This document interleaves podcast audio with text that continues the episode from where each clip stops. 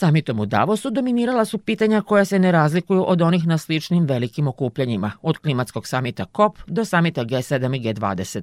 Održivi razvoj, energetska tranzicija, četvrta industrijska revolucija, stabilizacija lanaca trgovine i investicija. U prepoznavanju problema nije bilo nesuglasica, rusko-ukrajinski rat, kriza, troškova života i kamatne stope na istorijski visokim nivoima. Šefica MMF-a Kristalina Georgijeva prikazala je nove procene da će globalna ekonomija ove godine dostići dno uz dodatno usporavanje rasta i njegovo zaustavljanje na oko 2,7% GDP-a. What I talk about Kada govorimo o riziku fragmentacije, uradili smo ozbiljnu analizu i zaključili da prema najgorem scenariju, ako nastavimo da urušavamo integrisanu globalnu ekonomiju, to će svet koštati 7% BDP-a. To je 7000 milijardi dolara. Brišemo Nemačku i Japan ekonomski više ne postoje. Dakle, moramo da nađemo snagu i volju, jer ako vam se ne dopada današnja inflacija, zamislite te kako uništimo globalnu integrisanu ekonomiju. Oh, brother. Slične opomene stigle su i od počasnog predsednika i osnivača Svetskog ekonomskog foruma Klausa Švaba. Economic, environmental, social and geopolitical crises Ekonomske, ekološke, društvene i geopolitičke krize prepliću se i spajaju, stvarajući još neizvesniju budućnost. Nije iznenađenje to što smo u takvoj situaciji ostali zaglavljeni u kriznom načinu razmišljanja koje vodi kratkoročnim rešenjima, a ona stvaraju dugoročnu štetu. Davos bi trebalo da pomogne da promenimo takav način razmišljanja. Ako ne sagledamo celokupnu sliku i povezanost svih problema, nećemo pronaći održiva rešenja. Prvi čovek Sefa Borge Brende veruje u to da je saradnja moguća, čak i u neoprijateljskom okruženju. We saw that the US and China came together Videli smo da su Sjedinjene američke države i Kina uspele da razgovaraju i da ožive saradnju. Vidimo i inicijative za zaustavljanje podeljenosti svetske ekonomije. Takođe, verujemo da nema ekonomskog oporavka bez prethodnog oporavka trgovine i investicija. Istovremeno smo zabrinuti zbog loših prognoza rasta za ovu godinu. Verujemo da je četvrtina država u svetu u opasnosti od stvarne recesije. Zbog toga, ovde u Davosu moramo da vidimo kako do globalnog sporazuma o rastu. Velike reči, međutim, mogle bi da ostanu samo to, jer države se i dalje vrte u krugu zaštite sobstvenih ekonomija i kalkulisanja populističkim merama. Da li su onda rešenja koja promoviše Davos realna i koliki je danas kapacitet Svetskog ekonomskog foruma da menja stvari? Pitali smo profesora Slobodana Zečevića iz Instituta za evropske studije. Davos je bio manifestacija tog liberalnog globalnog kapitalizma. U današnje vreme čini se da se stvari polako menjaju. I Sjedinjene američke države i Evropska unija se polako vraćaju tom nekoj nacionalnoj proizvodnji, nacionalnom protekcionizmu. To je suprotno toj logici Davosa, liberalne ekonomije, liberalnog svetskog tržišta. Zašto se oni vraćaju? Zato što vide da su posledice bile takve, te potpune globalizacije, da su jednostavno zemlje Azije, pre svega Kina, izvukle koristi svega toga i imale ogroman ekonomski razvoj.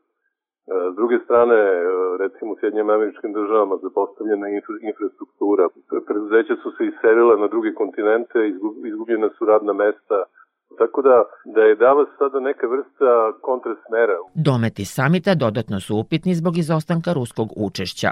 Čuvena ruska kuća u Davosu po drugi put je ostala prazna. Rusija je potpuno isključena iz tih e, ekonomskih tokova samim sankcijama Evropske unije, Rusije i Sjednjih američkih država i zapadnog sveta.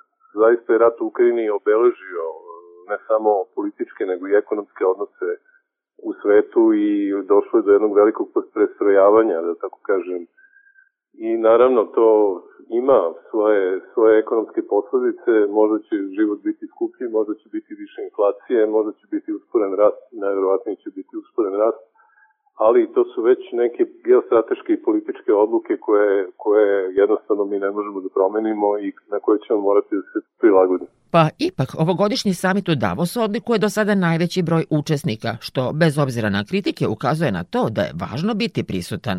Zbog čega, a naročito zašto je to važno za male ekonomije i zemlje u razvoju kakva je i Srbija? Zato što i dalje Davos veliki, veliki skup. Znači tu ima veliki broj predstavnika preduzeća iz, iz finansijskih institucija iz čitavog sveta. Bitno je održati razgovore, pokušati da se privuku nove investicije, što je bila i uloga predsednika Srbije na ovom, na ovom skupu. U svakom slučaju tu su prisutni i milijarderi i milioneri iz čitavog sveta, s druge strane veliki broj šefova država, oko 50 šefova država ili, ili, ili vlada. Prema tome, to je jedan i dalje veliki skup i u tom smislu sigurno je i za Srbiju bilo važno da, da, da učestvuje u smislu da opipa put, da pokuša da vidi gde će, gde će ići te ekonomske tendencije ove godine i na koji način da se pozicionira i da pokuša da da privuče nove, nove ulagače u svetsku krizu. Sastanak Svetskog ekonomskog foruma u traganju za novim usmeravanjem svetske ekonomije uspeo je da ukaže na ključna rešenja – pre svega oživljavanje svetske trgovine. Tu će jednu od ključnih uloga imati Kina, čiji je vicepremijer najavio nastavak post-covid otvaranja.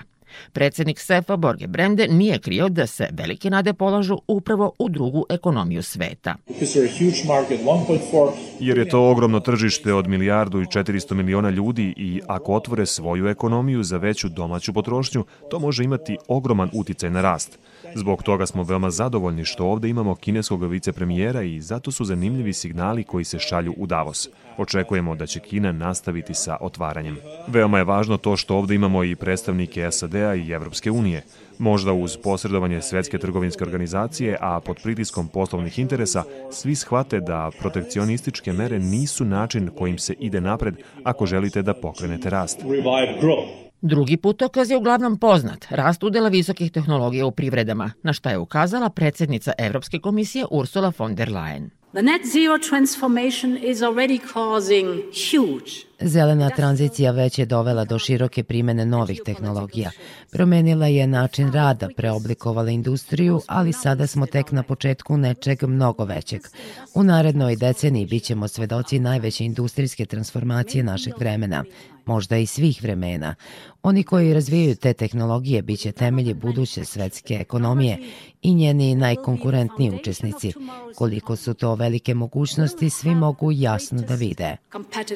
Edge. Samit u Davosu bio je ove sedmice i mesto oštrih opomena. Govoreći o podelama u svetu, generalni sekretar Ujedinjenih nacija Antonio Guterres posebno je bio oštar kritikujući bogate zemlje koje su svoje finansijske poteškoće u pandemiji premošćavale štampanjem novca.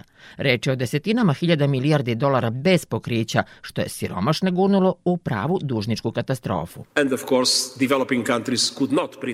Naravno, zemlje u razvoju nisu mogle sebi da priušte štampanje novca jer bi njihove njihove valute bile uništene. To je moralni bankrot financijskog sistema u kojem se nejednakosti povećavaju, pa ipak taj sistem još funkcioniše i dalje rutinski uskraćuje otpis dugova, a baš zbog štampanja novca isplate najsiromašnijih zemalja porasle su za 35% samo u prošloj godini. Da li je prvi čovek Ujedinjenih nacija uspeo bar malo da postidi donosioce odluka? Verovatno ne, ako je suditi prema dešavanjima na ulicama Davosa. Jedno od ključnih mesta okupljanja antiglobalista bilo je sedište najvećeg svetskog hedge fonda BlackRock, koji su mnogi prepoznali u Guterešovom obraćanju. Zemlje poput Šri Lanke, Zambije, koje se bore sa velikom dužničkom krizom, ne mogu iz nje da izađu jer BlackRock odbija da pregovara i poništi dug. To se mora hitno učiniti kako bismo pomogli globalnom jugu.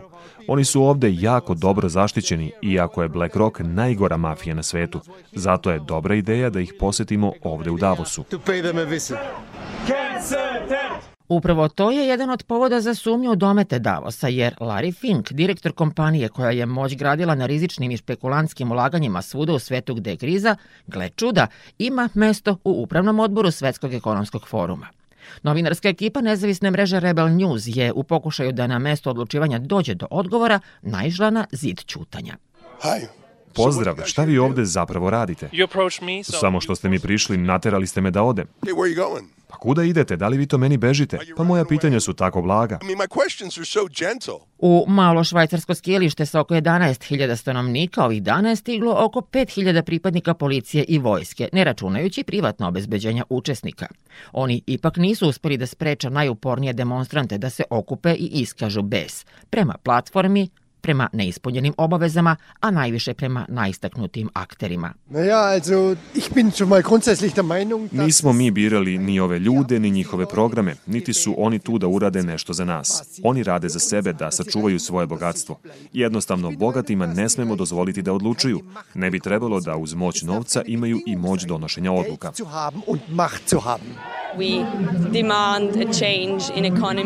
Zahtevamo promene u ekonomiji koja je zasnovana na profitu i njeno okretanje ka ekonomiji koja brine o ljudima i životnoj sredini. Put on a prepared presentation for you. Pripremit ćemo vam gomilu materijala i prezentacija, ali neće odgovoriti ni na jedno pravo pitanje. Kao na primjer, zašto milijarderi i oligarsi kreiraju politike, spoljnu, unutrašnju, ekološku, socijalnu, na tajnim sastancima svojih klubova ovde u Švajcarskoj. Ko im je dao mesto za stolom? Pitanje koje i dalje niko ne želi da čuje. Sastanak u Davosu održan je u trenutku kada kockanje sa svetskom ekonomijom postaje prevelik rizik. Ekonomski teškaši igraju po drugačijim pravilima, a strateško gomilanje zaliha se ubrzava. Pod tim teretom važnost samita bledi. Vizija Klausa Švaba o funkcionalnoj globalnoj ekonomiji prvi sumrak je doživjela sa svetskom ekonomskom krizom 2008. godine i do danas nije uspela da se oporavi. Sektor Plus. Svet sa naslovnice.